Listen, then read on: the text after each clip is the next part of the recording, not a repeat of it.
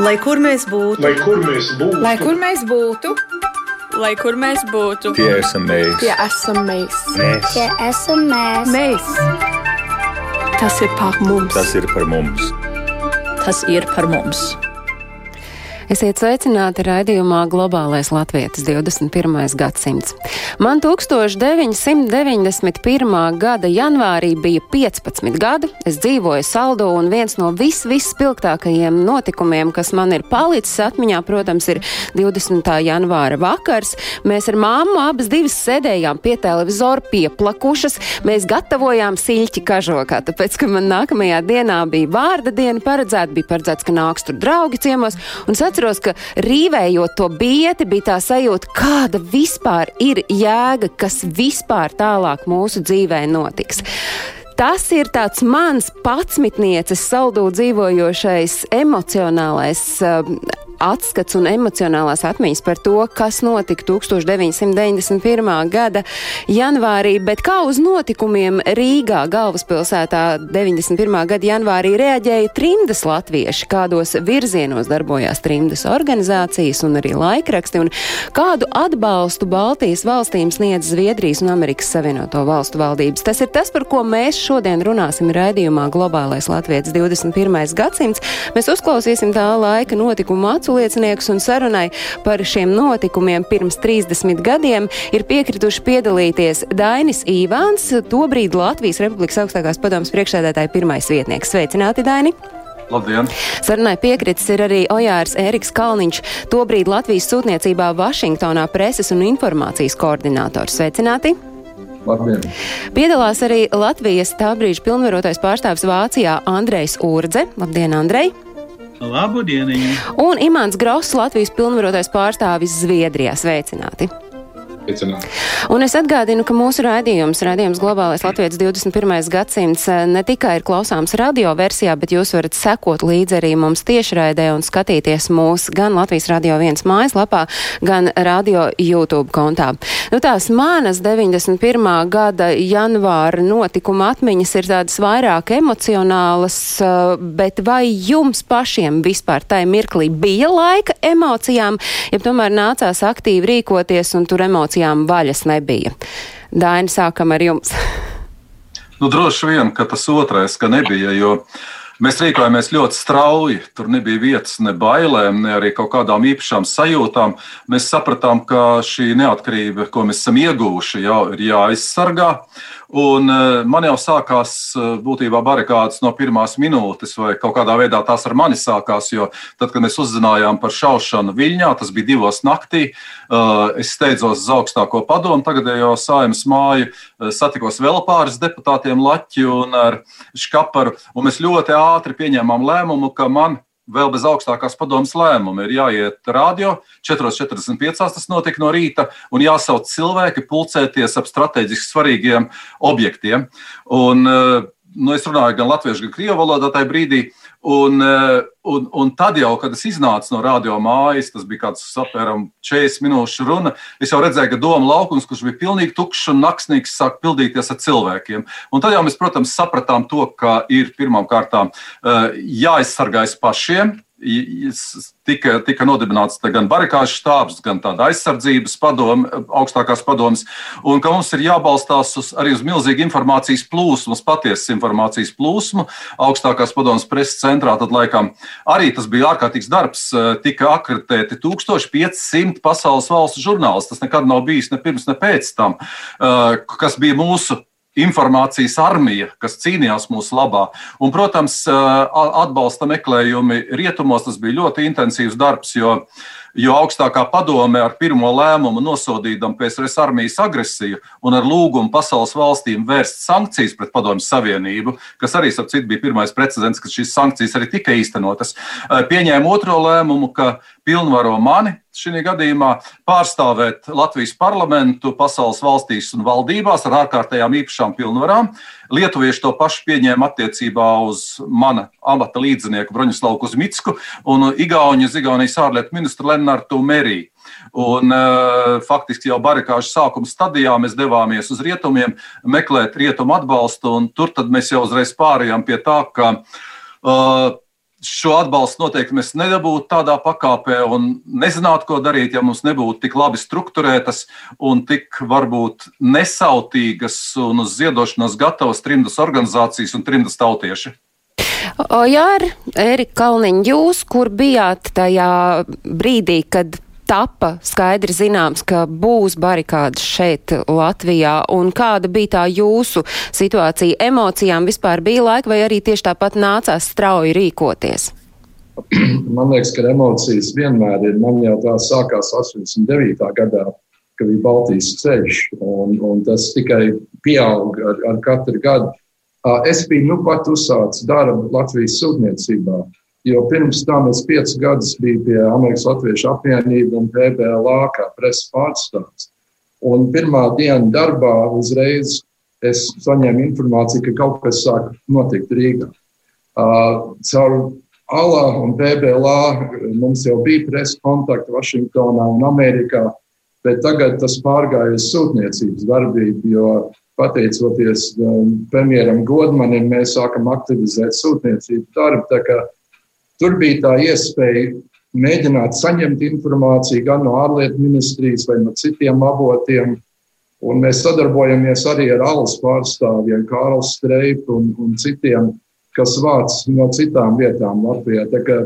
Ir grūti iedomāties, tajos laikos nebija mobilē, nebija e-pasts vai nekas cits, bet mums nāca un mēs to informāciju devam tālāk um, ārzemju presē. Un tā informācijas aprit arī pašas trindas starpā, nu nezinu, tur Amerikas latvieši ar, ar, ar Zviedrijas latviešiem un uh, Austrāliju jums ar tā aprit savā starpā notika? Es tikai īsumā varu teikt, ka, ka visi latvieši Amerikā sūtīja savu informāciju uz Alas biroju Rokvilnē. Viņi atkal ar mums koordinējās.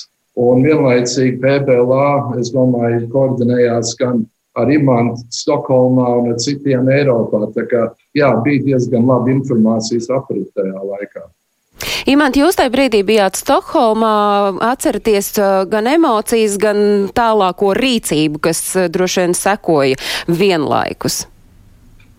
Jā, nu, tā kā Ojārs teica, bez emocijām netiek cauri, bet, bet bija, arī, bija arī skaidrs, ka ir, ir rokas pilns ar darbu, kas jādara, un, un tāpēc arī, arī tik, tik daudz, daudz strādāts. Eh, Stokholmā jau visu 90. gadu principā tika vestas sarunas ar Zviedrijas ārlietu ministriju un valdību par to, kādā veidā atvērt eh, Baltijas informāciju biroju. Par to gāja runa vispirms. Eh, tā idejai Prunskien Lietuvā kategoriski arī faktiski pretojās. Viņi teica, ka katrai valstī vajag savējo, un Zviedrija tam piekrita. Un tad pašā rudenī eh, tad, tad arī tika lēmums pieņemts un, un, un tie līdzekļi tika tik nodot katrai, katrai pārstāvniecībai. Un kas caur ko varēja iegādāt gan aparatūru un, un, un eh, bija līdzekļi, lai, lai vispār uzturētu kontakts. Tie, tā kā Ojārs teica, nebija viegli sazināties, nebija jau mobilie telefoni vai tam līdzīgi. No Stokholmas, no Zviedrijas uz Padomu Savienību vispār bija astoņas telefonu līnijas. Un bija Kā tā jāsēž, saziņa notika? Kā tā saziņa notika? Un bija jāsēž, bija jāsēž kādreiz pusstundu tikai griežot numurus, nepārtraukti, lai, lai, lai savienotos ar preses centru augstākā padomē un pie, pieslēgt faks eh, aparātu un tādā, tādā veidā saņemt ziņas rakstis, kuras, kuras sūtīja ārā. Un tad no Stokholmas, tā kā Ojārs teica, sūtījām tālāk gan uz PBLA, bet arī uz, uz faktiski uz, uz presi visā, visā pasaulē. Uh, informācijas birojas tika atvērts, uh, ko Dainis minēja, 15. janvārī. Taisnība starp notikumiem Lietuvā un Latvijā.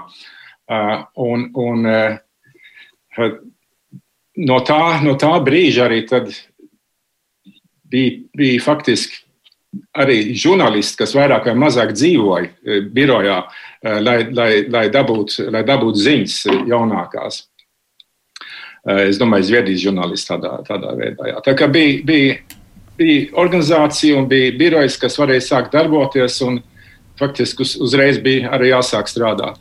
Bet, principā, es saprotu, ka tie 91. gada notikumi, tas emocionālais spēks piesaistīja arī visus tos trimdas latviešus, kuri iepriekš, nu, ir dzīvojuši tādu parastu mierīgu dzīvi un tādos politiskos procesos un norisēs nepārāk aktīvi ir iesaistījušies, varētu pat teikt, nav vispār to darījuši. Un, un tie notikumi arī emocionāli ir vispārējo valstu sabiedrību ietekmējuši tur, kur ir dzīvojuši trimdas latvieši, tā iemesla dēļ, ka trimdas latvieši, nu, dalījās un, un ziņoja un nodeva to ziņu tālāk. Andrei, jūs atcerieties to laiku, ar kādu sajūtu un kāda bija tā jūsu rīcība? Jūs bijāt Vācijā tajā brīdī.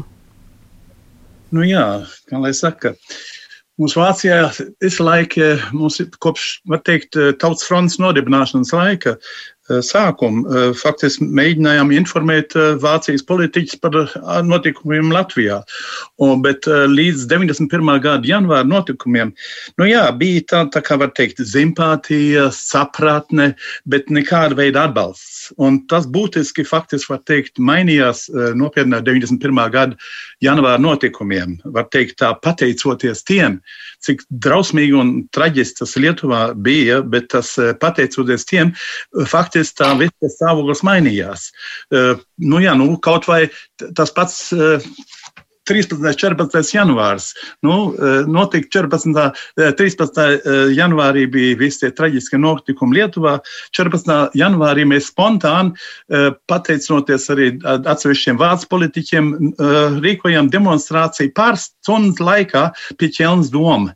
Eh, eh, galvenais runātājs bija toreiz eh, disidents Lev Kopelevs. Ja? Tas turpinājās. Un tas vispār interesanti arī bija tas, ka es braucot no Bonas uz ķēlni, pa rādio ziņoju, ka notiek demonstrācija. Kaut kas tāds man nekad nav bijis, ka vispār vācu rādio ziņo par mūsu demonstrāciju. Nu, jā, nu tā. Un turpinot to, es domāju, tieši arī tagad tas viss tas tālākais, viss tas barakādas laiks, un tas, tas, viss, tas bija kaut kas tomēr Vācijā nepagāja garām, tas saviņoja daudzajādā ziņā. Un tas arī bija tā, arī tas, ko Dainis jau sākumā minēja, akreditētie žurnālisti. To mēs arī ļoti labi izjūtām. Interesantā kārtā tieši 20. janvāra notikumos eh, visā eh, tajā laikā mums tieši Anabergā, Bonā, Eh, bija uz vietas Mārtiņš Virs, eh, toreiz eh, ārlietu ministra vietnieks, Wolfsons bija un godmaņa sekretāra Cielēna bija. Un mēs zvanām vakarā uz, uz Cielēnu zvanu uz, uz godmaņa biroju, un telefona sarunas laikā uzreiz saka šauji un traksnēs šauj. Nu, un tagad mēs dzirdam, kas notiek. Un mēs zvanām no turienes tālāk e, uz ziņu aģentūrām. Un ziņu aģentūra saka, mēs jau zinām. Ja, tas nozīmē tas, kas notika, ko Dainis minēja, ja, kad ir, ir e, tā akreditētie žurnālisti bija tajā laikā ļoti iesaistīti. Bet tas mainīja visu stāvokli arī Vācijā. Iepriekš bija, ar sakot, tikai tāda simpātija, jā, bet tagad bija pretimnākšana. Tagad mums bija iespēja 20. Eh, eh, janvārī mēs rīkojām demonstrāciju Bonnā.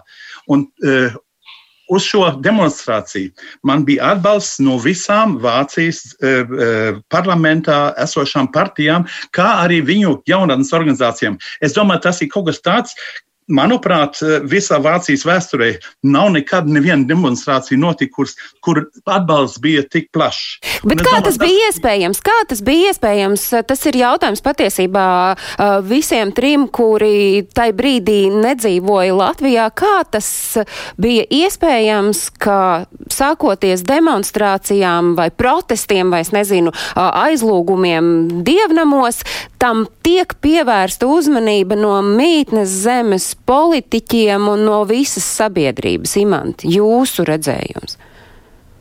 Jā, nu es faktiski gribētu pieminēt divus apstākļus, kas darīja to, ka Zviedrija eh, nu, agrāk nekā, piemēram, Vācija, kā Andrejs minēja, sāka atbalstīt un saprat, kas, kas notiekās. Jo Zviedrija līdz ar to, ka bija de facto pieņēmusi inkorporāciju, Baltijas valsts inkorporāciju Padomu Savienībā, nu, ko mēs visus tos gadus nosodījām, uh, tajā brīdī varēja sūtīt savus diplomātus. Jau no 88. gada Tomas Betelmans brauc no, no Leningrādas Zviedrijas konsulāta uz visām trim Baltijas valstīm, satikās ar tautas fronts vadītājiem, ar visu opozīciju un ļoti precīzi ziņoja atpakaļ Zviedrijas valdībai, kas, kas notiekās. Un, un, un man bija, tā kā es strādāju Zviedrijas valdībā, jau toreiz man bija pieejami šie, šie konfidenciālie ziņojumi. Un bija ļoti interesanti tos, tos redzēt, un tie ļoti iespaidoja e, situāciju Zviedrijas e, valdībā un politiķos. Un tad otrs bija tas, ka jau man liekas, tas bija Daina 89. gadā, kad mēs ar ārpolitisko Zviedrijas institūtu, Zviedrijas parlamentā rīkojām konferenci ar anglisko nosaukumu Baltic Independence European Security. Jā, pilnīgi izaicinošs. Jā, izaicinošs, vai ne? Un, un tur bija, tu bija Wolfsons un bija, bija citi no Latvijas, kas veid sarunas ar, ar Zviedrijas parlamentāriešiem un politiķiem. Un bija viens dzīves dialogs par to. Un man liekas, ka tur tajā, tajā visā posmā tad arī radās viens izpratne Zviedrijā par to, kas, kas notiek. Un viņi redzēja, ka tā nav tikai kaut kāda trimds uh, grupa uh, apraksts par to, bet patiešām tā ir taut, tauts Baltijas valstīs, kas, kas saceļās un kas maina, maina vēstures uh, plūsmu. Līdz ar to tas atbalsts arī nāca nāc diezgan agri. Nu, un savukārt Amerika arī ir viena no tām valstīm, kur šis nu, aktīvais uh, politiķu uzrunāšanas veids no trimdas latviešu puses arī bija tas, kas ļāva tam izskanēt ļoti plaši visā pasaulē. Jā, nu mums uh, Vašingtonā bija zināmas priekšrocības, jo gan valdība, gan vietējie mēdī bija ļoti ieinteresēti uh, notikumiem Baltijas valstīs. Mums jau kopš 89. gada iemājās tautas fronta pārstāvji. Un tieši iepriekšējā gadā, pēc 4. maija, premjeras Ivars Godmans un Jānis Jurkāns jūlijā atbrauca uz Vašingtonu. Un tikās tajā laikā prezidenta Buša uzmanība bija, bija milzīga. Un, kas mums arī ļoti palīdzēja tajā brīdī, barakāžu laikā, bija, ka Dainis atbrauca. Jo tūlīt, kad Dainis atbrauc uz Vašingtonu, mēs devamies uz kongresu. Viņam bija iespēja uh, runāt uh, tieši ar kongresmeņiem un viņu padomdevējiem. Uh, mums arī bija trīs sūtņi no Baltijas valstīm, kas gan simboliski un tīri juridiski nozīmēja, no, simbolizēja Baltijas valsts neatkarību. Tie piesaistīja uzmanību. Es teikšu, ka barikāžu laikā viss gaidīja, viss gribēja zināt, kas īsti tagad notiks, kur tas ies tālāk. Un mūsu lielākā grūtība bija savākt diezgan nu, uzticamu informāciju un nodot to pa, nu, pareiziem avotiem. Bet, kā jau teicu, tā interese jau tajā laikā bija diezgan liela. Es esmu ļoti pateicīgs Dainam par to, ka, ka viņš bija klāts, jo tas bija tāds vēsturisks moments. Un man tas ienāca prātā pirms dažām dienām, kad es vēroju, kas nu, pat ir noticis Kapitolijā. Un mēs esam staigājuši pa tām gaitnēm, un, un Dainis tur ir bijis. Tas ir tā mazliet bēdīgi redzēt, kas, kas tur vismaz pagājušajā nedēļā notika. Bet uh, mums ļoti daudz Latvijas pārstāvju ir staigājuši pa, pa, pa, pa tiem gaitiņiem. Bet tajā mirklī, kad Ojārs Kalniņš saka, nu, Dainis atbrauca uz Ameriku, saprotu, jūs Daini bijāt arī jau 13. janvārī, jūs ieradāties Stokholmā. Tas šobrīd izklausās, nu, tā ārkārtīgi vienkārši. Tai brīdī tas absolūti nebija droši vien tik vienkārši, kā tas ir šobrīd politiķiem nonākt vienā vai otrā valstī. Jūs augstākā padoma tolaik pilnvaroja meklēt palīdzību rietumu sabiedrībā. Ko jūs darījāt nonācis? Vispirms bija Zviedrija, pirms tam jūs bijāt arī Somijā, vēl pirms barikādēm, vai ne? Jā, Somijā bija pirms barikādēm, un augstākā padoma šo lēmumu pieņēma tieši tāpēc, ka es atrados ārzemēs, jo nevienam nebija garantijas, ka kāds vēl tiks aiz aizkara. Un šīs pilnvaras jau bija pieņemts arī ar tādu nolūku gadījumā, ja augstākās padomas deputāts iznes ar kājām pa priekšu no augstākās padomas mājas, kur mēs dienu un nakti dežurējām, ka man bija arī ārkārtējas pilnvaras vadīt pretošanos no rietumiem un veidot, nu, varētu teikt, trimdas valdību ar parlamentu pilnvarām.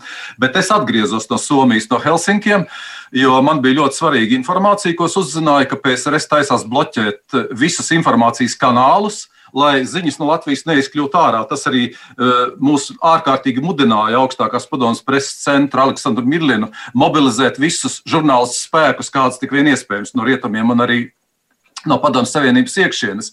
Bet tad jau, kad sākās barikādas, tā bija lielā mītiņa diena pēc šaušanas Viļņā, kad es jau biju runājis radio televīzijā. Problēma bija tagad, kā es tikšu atpakaļ kopā ar Broņislavu Kuzmicku, kurš nemaz neaizbrauca uz Viļņu, bet kopā ar mani palika Rīgā. Kā mēs nokļūsim pāri robežai. Un tad bija arī tāds unikāls gadījums, vīzes jau vajadzēja toreiz, ka Lars Fredēns, Zviedrijas konsuls, pats skrēja uz augstāko padomu, lai neviens nezinātu, līmēja manā pasē vīzu, iesata zīmogu. Tad mēs braucām tā kā detektīvu braucienā uz Tallinu, uz kuģi. Un eh, aiz mums sekoja vēl viena mašīna ar augstākās padomas deputātu kino un eh, kino operatoru Andreju Verhostinski, kurus toreiz nepazinu, bet, bet mani stādīja priekšā viņam un teica, šitais puika būs tas, kas nofilmēs, ja tevi noknieps, lai visi zinātu. Ja? Nu, tā mēs aizskolāmies tur, un tad, lai mēs tiktu uz kuģi, lai atkal redzētu, vai mūs nearestē, tad jau Lenards Merī mums pievienojās. Eh, mūs pavadīja Tallinas Zviedru konsuls Tallinā uz šī kuģa Tallink. Un nokļuvām tātad Zviedrijā, Pie tam man jau tur ir tie personīgās atmiņas, kas brauc plānā atceņā, jo mājas naktī es biju izgājis ar zobbirstītu personisko ieroci un faktiski tādu nu, vasaras jaku. Stokholmā notika, man liekas, 14. imanta, notika Zviedrijas politisko partiju solidaritātes mītiņš ar Baltiju, kas turpinājās katru pirmdienu, lai, lai solidarizētos ar Baltijas brīvību. Un bija mīnus 20 grādu sals, Un tad jau, kad barikādas beidzās, tas momentāli nokrita ar plaušu karstu. Tāds parasti ir karā, kad tu nejūti, nejūti. Un, un beigās to spēku izsīkst. Bet tur bija ārkārtīgi svarīgi, ka Imants jau teica, ka Zviedrijas ārlietu ministrija un valdība finansē šo mūsu uzturēšanos rietumos, atklāja Latvijas informācijas biroju un varbūt tāda viena no Latvijas pārstāvju svarīgākajām sēdēm tur bija, ka mēs sapulcējāmies gan Imants, gan, gan mūsu trimdas latviešu tautas fronts atbalstītāji, gan Lenards Merija un Kuzmickas, un mēs sadalījām tā kā Ribbentrop-Molotov paktā ietekmes sfēras. Tā kā Lenards bija studējis Vācijā, viņš tika nosūtīts uz Eiropu, uz Vāciju meklēt palīdzību tur. Mēs ar Broņislavu Kuzmicku atkal ar Zviedru atbalstu sēdāmies lidmašīnā un lidojām uz Ziemeļameriku, kur es nonācu Eh, Ojāra Kalniņa gādīgās rokās, un labi, ka bija šī pirmskara Latvijas vēstniecība, kas faktiski tajā brīdī atdzīvojās. Viņi strādāja, nu, veids ļoti ārkārtīgu funkciju. Un, uh, Ojārs arī pieminēja to Amerikas Latviešu apvienības informācijas biroju, uh, kad viņš man tur ieveda. Uh, es vairs neatceros, kur un kādā veidā es biju pārsteigts. Viņš bija pilns ar jauniešiem, latviešu jauniešiem, kuri tiešām pilnīgi tāpat kā mūsu augstākās padomus preses centrā, Kāri tvēra, saņēma katru ziņu no Latvijas un izsūtīja uz visām, visām iespējamām vietām. Nu, un, protams, vizītes, senāts, uh, kongress uh, bez uh, Ojāra, Latvijas vēstniecības un citu trimdas latviešu palīdzības tas nebūtu bijis iespējams. Man intervēja arī daudz ziņu kanālu tajā laikā, un es atceros Ojāra zīmīgos vārdus, kad mēs gājām Baltijā namā. Nu, iedomājieties, es jau pat nebiju tā kā nekādas suverenas valsts sūtnis. Uh, Un mūs pieņem Denis Ross, man šķiet, bija jā, mūs pieņēma, lai noskaidrotu Baltā namā, kas tad īsti notiek, un lai lemtu jau faktiski par sankcijām pret Padomju Savienību. Un eh, tajā brīdī Imants tā, tas ojārs tā zīmīgi nosaka, Daini, redzi, mums šis baltais nams ir atvēries. Kad mēs būsim neatkarīgi, mēs tik viegli priekšā netiksim. Tās ir, eh, mēs par, pa augstiem plauktiem skatāmies, bet tāpat laikā jūsu tas vērojums vai visa trimdas sabiedrība tai brīdī bija uz viena viļņa, vai tomēr arī uh, sabiedrībā bija šķelšanās, varbūt, ka kādam likās, ka kāds tur vispār atbalsts, un kādi bija tie atbalsta veidi, bet tad vispirms vai visi bija vienoti? Uh, Andrej, es uz jums skatos, lai arī tā zūmā tu nevar noķert, kurš uz kuru skatās. Jā, nu es par to lielo trimdas vienotību man ir grūti spriest. Es domāju, es savā ziņā, faktiski Bonā var teikt, es tomēr lielā mērā darbojos uz savu roku. Un, bet tādā veidā, ka tomēr man bija svarīgi kaut kādā veidā paplašināt arī to, to iespēju iespaidu loku. Diemžēl bija daļai tā, ka tiešai no PBLA puses, tieši attiecībā uz Vāciju, līdz tam laikam kaut kur vienmēr tikai skatījās uz labajām partijām. Man bija svarīgi pavērt to loku plašāk un atrast atbalstu visās Vācijas partijās. Un es domāju, to es arī iegūju un arī pateicoties, es domāju, man vairāk kārt, ka bija braucis Wolfsons, brauca Jurkāns, Dozorcev brauca un veda sarunas, un viss tas, tas reveidoja gaisotni, uz kura varēja fantastiski labi darboties. Ja? Un es domāju, tas mums bija ļoti svarīgi, un arī tālākā gaitā, ka mums bija iespēja izveidot Vācijā Vācijas Baltijas parlamentāriešu grupu. Es domāju, tas ir arī kaut kas neticams. Būtībā tajā laikā, 91. gada pavasarī, pievienojās šai Vācijas Baltiešu parlamentāru grupai vairāk kā simts Vācijas parlamentārieši. Tā bija lielākā atbalsta grupa vispārīgi. Nebija pastāvēja Vācijas, Amerikas, Vācijas, Anglijas, bet Vācijas, Baltijas grupa bija vislielākā. Un es domāju, nu, jā, savā ziņā, nu, man liekas, pie tā piedarbojos, lai šāda veida grupa varētu iz, izveidoties. Teiksim, es varu teikt tā, es savā laikā Bonā, nu jā, Es lielā mērā darbojos uz savu roku, bet es, man liekas, ka tā, tā, tā darbība bija efektīva tādā veidā, ka mums arī bija iespējas veidot tos kontaktus un arī nonākt arī pie Vācijas ārlietu ministra, ka, ko iepriekš, kas iepriekš nebija iespējams. Pēc barikādiem tas bija iespējams. Mums bija sarunas, Jurkānām bija kopā sarunas ar minēto Meriju, abi ārlietu ministri pirmo reizi varēja tikties. Tas bija vienkārši mums bija liel, liels iespējas dažādās plāksnēs. Tā, tas fakts, ka, piemēram, Jurkāns varēja runāt visas Vācijas sociāldemokrāta partijas frakcijas priekšā, Man bija prieks par to, ka man bija izveidojies visās Vācijas pa, parlamenta līmenī, visās partijās atbalsts. Un es domāju, nu, jā, nu, tas, tas nebija tik daudz kā no visas kopīgās trimdas. Savā ziņā, nu, jā, nu, vai tas bija labi vai slikti, to es nezinu, bet es savā ziņā uz vietas nu, lielā mērā darbojos uz savu roku. Bet pārējie latvieši, kas jums bija apkārt, tā trimdas sajūta par tiem notikumiem bija vienota? Nu, jā, es domāju, mums šeit uz vietas tas bija skaidrs. Es esmu Anabergā, Baltiešu Kristīgās studentu apvienības mītnē. Tur, saprotams, mums bija latvieši, lietuvieši, igauņu studenti. Mēs kopīgi rīkojām, rīkojāmies, mēs kopīgi dalījām lapiņas, un tas bija skaidrs. Es teikšu tā, pēc tiem janvāra notikumiem mēs sanācām kopā un teicām, tagad mums jā, jādarbojās līdz reālai Latvijas neatkarības atgūšanai. Mums ir kopīgi jādarbojas par visus trīs Baltijas valstu neatkarības atgūšanai. Un tagad nevar būt vairs nogaidoši. Ne? Mums tagad šito ceļu jāturpina vienalga, kas notiek. Un es domāju, mēs spējām arī to, to savā veidā soli pa soli vir, virzīt šī virzienā. Un Amerikas latvieši, kāda bija tā kopējā nostāja, un arī tad uzreiz ieskicējiet, kādas bija tās aktivitātes, kādi bija tie veidi, kā sabiedrības ziņoja apkārtējai sabiedrībai, tostarp arī presē par to, kas notiek? Pirmkārt, ja prasa par to, vai latvieši ir vienoti, es domāju, ka mēs nekad neesam simtprocentīgi vienoti nevienā jautājumā. Bet uh, gan Amerikā, un es domāju, Kanādā vairākums cilvēku, kas patiešām sekoja notikumus Latvijā, kas, kuriem ir bijuši kontakti ar Tautas fronti vai LNMK, Uh, tie ticēja, uh, tie gribēja atbalstīt, tie bija aktīvi iesaistīti. Um, jā, es domāju, ka, ja runājam par stratēģiju vai taktiku, bija, bija domstarpības starp Amerikas latviešiem un Eiropas latviešiem. Uh, katrs varbūt kaut ko savādāk redzēja, bet tās nebija būtisks, jo mēs tomēr sadarbojamies. Otrais, es domāju, ka Amerikas sabiedrībā Uh, jā, ir bija latvieši, kam vēl bija aizdomas par, par vadību. Viņi jau nepazina tos cilvēkus Rīgā, kas tagad ir veidojuši šīs organizācijas.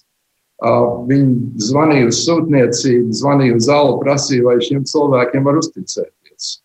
Uh, es tikai varu teikt, ka um, Anatols Ginbergs, kas bija sūtnis tajā laikā, Pēc tam, kad viņš pirmo reizi satikās ar Ivaru Godmanu un Jānu Jurkāņu jau 90. gadā, un mums bija pārunas, viņš prasīja, vai šitie ir īstie, vai tas patiešām notiks.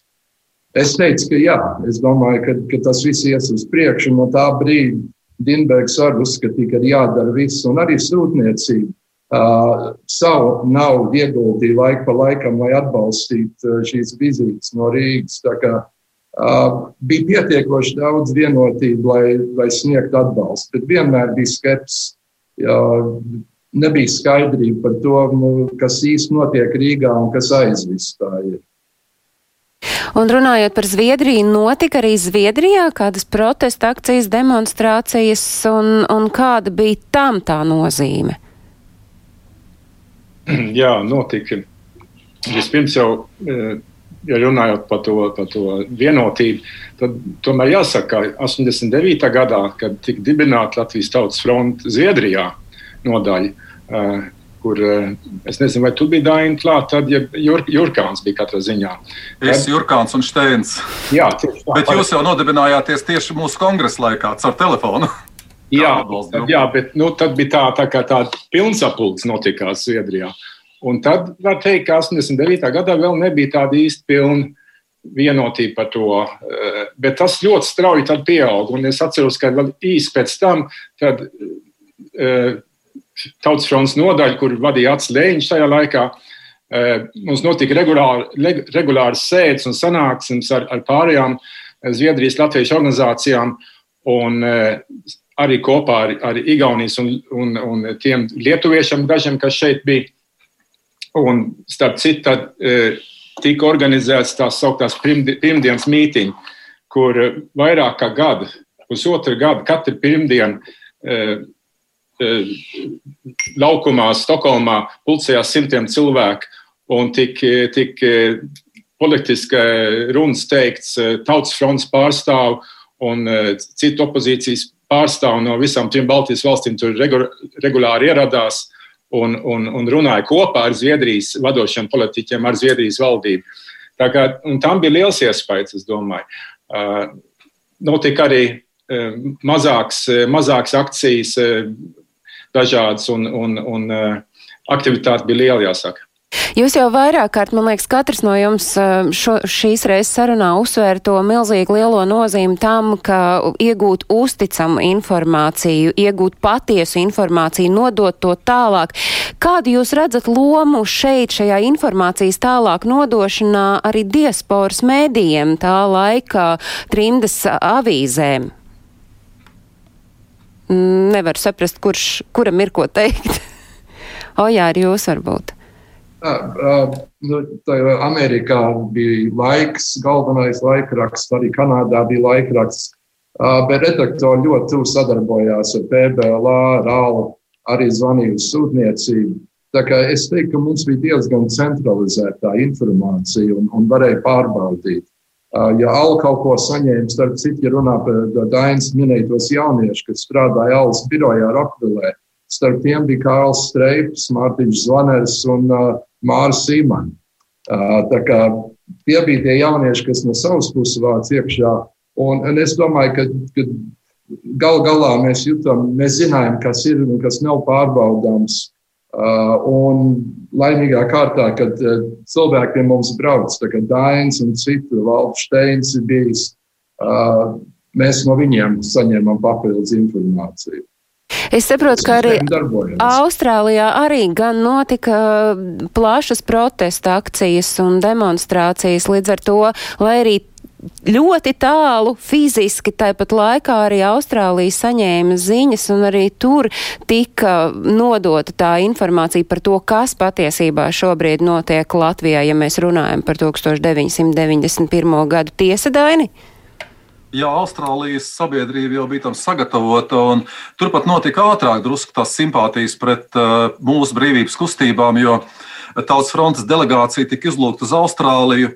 Gadu vēl pirms šiem notikumiem vēl nebija izveidota īsta augstākā padome. Un tas atceros, ka man pirmo reizi bija kā vienkārši viens kustības priekšsēdētājs norganizēta tikšanās ar toreizēju Austrālijas premjerministru, kurš uh, pēc tam nekavējoties arī izlaida tādu paziņojumu, palaida ēterā par, par atbalstu Baltijas tautu neatkarības cīņai un to, ka Balt Austrālija nekad nav atzinusi Latvijas, Lietuvas un Igaunijas okupāciju Padomju Savienībā. Bet, ja tā atgriežas pie tās trimdas noskaņām barikāžu laikā, tad tā kā tri, barikādes saliedēja sabiedrību šeit, Latvijā, fantastiski saliedēja tāda nu, neiedomājama saliedētība, kuru mēs varam ieraudzīsim tikai kaut kā tālā, tālā nākotnē, kā ideāli. Tad tā saliedēja arī trimdas tautieši. Un, un, faktiski jau tas iemesls bija tā. Uh, drosmīgā un pašaizliedzīgā tauta, kas stāvēja uz barikādēm. Es atceros vienkārši vienu momentu, kas tas parādījās arī uh, gan trimdas presē, gan arī Amerikas Savienoto Valstu presē. Uh, man bija tāds viens piemērs, kad es fiziski sajūtu, kā, kā mainās sabiedriskā doma. Nerunājot par latviešiem, kuri mani kā zelta olu tur nesāja un rūpējās, lai es nepārgurstu, lai kaut gan es biju pārgurs līdz pēdējiem un, un, un, un, un, un, un lai es nokļūtu tur, kur vajag un pateikt to, ko vajag. Bet tā bija tā reize, pirmā reize manā mūžā, arī vienīgā Latvijas vēsturē, kad parasti amerikāņi uh, es neatceros, vai kurā vietā pa fiksētajiem telefoniem, jo kabats toreiz nebija sazvana mani. Un saka, mēs redzam, kā jūs cilvēki cīnās, mēs piespiedīsim to savu valdību, jūs atbalstīt. Un, un tad bija tas traģiskais 20. janvāris. Es saņemu viesnīcā, es Vašingtonā dzīvoju viesnīcā, citur es dzīvoju pie latviešiem mājās, un saņemu zvanu no Latvijas, ka ir šaušana. Ir nošauts Andris Slapiņš un Gvido Zvaigznes ievainots, bet Andrejs Slapiņš jau bija gājis bojā. Un Un tūlīt pat seko zvans no Vašingtonas valsts radio. Man liekas, ka Ojārs mani veda uh, uz turieni rītā, ka sešos no rīta, tik līdz šī stacija sāk darboties, mani aicina stāstīt par to, kas Latvijā notiek, jo laika starpība ir. Un tad es ieju šajā radio, un melnādainais durvis sargs uh, skatās portatīvo televizoru, kur es piepieši ieraugu to, ko es neesmu redzējis. Šaušanu Rīgā un bar, cilvēku ķēdi ap ministru kabinetu. Un iedomājieties, es gandrīz apstulbstu. Tur, starp citu, bija Harijs Liepiņš, tajā ķēdē iekšā aktieris. Cilvēks stāv smaidīdam pie sašautiem autobusiem, pie, pie, pie nākošiem kadriem, kur lido trasējušās lodes par Rīgu. Un tad es tajā rādio neko daudz jau nepateicu. Es teicu, ka es nevaru parunāt, jo pirms divām stundām nošauts mans draugs. Un saprotiet, kā tas iedarbojās. Tā bija kaut kāda ķēdes reakcija, ka mēs pēkšņi sajūtam atbildes reakciju no vienkāršiem cilvēkiem tādā milzīgā valstī, kur par Latviju līdz tam laikam neko nebija, nebija redzējis. Man liekas, ka tāda brīvības cīņa ar nevardarbīgiem ieročiem ir tik skaista, ka tā kaut kā neviļus kaut kā lika aizmirst gan mums, vispārējos kašķus latviešiem, un mēs sapratām, ka tas ir viens liels mērķis, kura dēļ ir, ir vajadzīgs, vajadzīgs upurēties, gan arī, protams, tai apkārtēji, apkārtēji sabiedrībai. Un, un Ojārs jau man tad arī, tas jau arī, es nezinu, bija caur Ojāru laikam meklēja. Uh, bija unikāls notikums, Ojāra atceries, ka mūs uzaicināja New York Times redkolēģija. Uh, vienkārši parunāties pusdienās. Un Ojārs saka, jā, viņi jau nerakstīs tagad interviju ar tevi, viņi grib tikai zināt, vai viņu redakcionālā politika ir pareiza. Un tad 24. janvārī, tikai trīs dienas pēc uh, traģiskajiem notikumiem Rīgā, parādījās tas leģendārais uh, ievadraksts The New York Times, ko rakstīja Viljams Safērs, amerikāņu rakstnieks, kurš bija, viņš mani pazina, viņš bija bijis Rīgā pie manis jau, bet uh, es to vienmēr citēju, jo tas, tas manis satriec, ka viņš raksta amerikāņi. Tagad saprotiet, ka šajā naktī uz brīvības koka, kurš ir vajadzīgs mums visai pasaulē, savus asinis ir lējuši latvieši. Mums viņi jāatbalsta. Nu, tā bija tā galvenā ideja šim pasaules lielā laikraksta ievadraksta. Nu, dabīgi, ka to, uz to nevarēja atsaukties arī jeb, jebkura latviešu sirds eh, rezonēja līdz tam. Klausoties šajos, es pat gribētu teikt, neticamajos stāstos, man neviļus rodas jautājums, kā būtu, ja būtu, vai kā būtu, ja nebūtu. Vai tas vispār, viss, ko jūs, Daini, stāstāt, būtu iespējams, ja nebūtu trimdas latvieši aktīvi un arī nu, uz šo pašu emociju pamata un arī iepriekšējā paveiktā darba pamata nebūtu tā rosība tajā mirklī gan pirms eh, janvāra notikumiem, gan arī pēc tam? Nebūtu. Mums ārkārtīgi palīdzēja, ka bija nu, šis trimdas atbalsts, tas bija nostiprinājies tautas frontē jau, jau šo divu gadu atmodas laika cīņā, un eh, ka trimdai bija arī šī, šīs tomēr izveidotās visdažādākās struktūras, ne tikai tautas fronts atbalsts, bet PBLA, ALA bija, jo tas bija tomēr milzīgs spēks, kas mums palīdzēja pārraut informācijas blokādi, jo visur bija mūsu cilvēki. Uh, bija šī apelēšana pie rietumu valstīm un valdībām, tāda neparasti vienota un neparasti stingra. Un bija arī tāda tīri praktiska palīdzība un emocionāla palīdzība. Es jau teicu, šī attieksme pret mani, ko es uh, no vienkārši es nekad uh, dzīvē neesmu juties tik aprūpēts un tik sargāts, kā toreiz, kad es atrados šajā Ziemeļamerikā un faktiski arī Zviedrijā. Es dzīvoju toreiz. Uh, mūsu pirmā prezidenta Jāņa Čakstas mazdēla, Jāņa Čakstas ģimene, eh, kuri mani uzņēma ar vislielāko siltumu, un, un arī atgriešanās no barikādēm man bija caur Zviedriju. Arī tas nebija vienkārši, jo eh, Ivans man iespieda un vēl vienam Latvijas deputātam, kurš tajā brīdī bija Zviedrijā, tādas divas pārvietojamās radiostacijas, ka gadījumā, ja mūsu radio tiek ieņemts, lai mēs varētu vēl pagrīdē raidīt un pretoties, lai mums būtu savs raidstīs, kas padomju savienībā nu, tādas nebija iespējams iegādāties. Ja, ja drīkst viena īsta piezīme, manuprāt, barikāžu laiks bija labs treniņš priekš augusta puča laika. Jo, jo mēs tad jau sapratām, kas ir jādara, un tā interese jau bija, mēdīja kontakti jau bija. Un līdz ar to augustā, kad, kad bija atkal tas pats, atkal ziņas, ko mēs vācām un mēģinājām nodot tālāk, mēs bijām daudz labāk sagatavoti un organizēti uz augustu. Sarunas pašā noslēgumā to pašu, kā būtu, ja būtu vai kā būtu, ja nebūtu. Es jautāju arī tad um, jums, Imant un arī Andrei. Nu jā, tas priekšnoteikums, lai, lai tā, tā darbība, kas notika trimdā, lai, tā, lai tā būtu rezultāti, protams, bija tas, ka, ka, ka tauta Latvijā Baltijas valstīs sacēlās.